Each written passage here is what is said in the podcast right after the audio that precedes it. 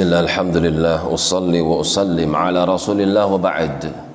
Masih di dalam surah Al-Furqan Sampai pada firman Allah Ta'ala Wa idha ra'auka Kaum musyrikin Tidaklah mereka ketika melihat engkau Iyattakhidunaka Kecuali mereka akan menjadikan engkau itu Illa huzwan Sebagai bahan ejekan seorang nabi, seorang rasul dijadikan sebagai bahan guyonan.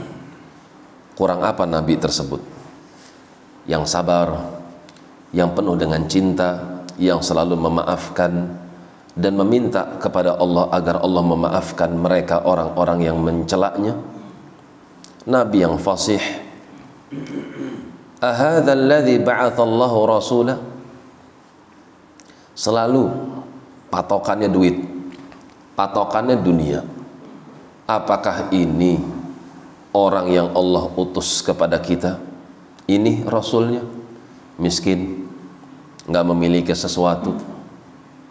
In kada layudilluna an alihatina hampir-hampir saja. Orang ini menyesatkan kita dari sesembahan-sesembahan kita biasa nyembah kayu, biasa nyembah batu, biasa semedi di tempat-tempat yang mereka anggap keramat. Ketika diajak kepada ayo beribadah kepada Allah semata, tinggalkan hal itu semua. Mereka katakan layudilluna, ini adalah perbuatan yang menyesatkan kami. Laula an sabarna 'alaiha, kalaulah tidak karena kesabaran kami, niscaya kami tidak akan istiqomah Lihat bagaimana kesesatan masuk ke dalam hati kaum musyrikin. Beribadah kepada selain Allah mereka anggap hidayah. Menyendirikan Allah di dalam peribadatan adalah suatu hal yang mustahil bahkan termasuk yang keliru jalannya. Karena itu jamaah minta kepada Allah hati yang sehat. Wasaufa ya'lamun. Tunggu saja kelak mereka-mereka itu akan tahu siapa yang hak, siapa yang batil.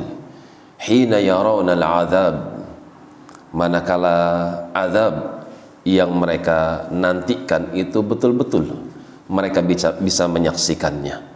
Man adallu sabila, siapakah yang keliru jalannya?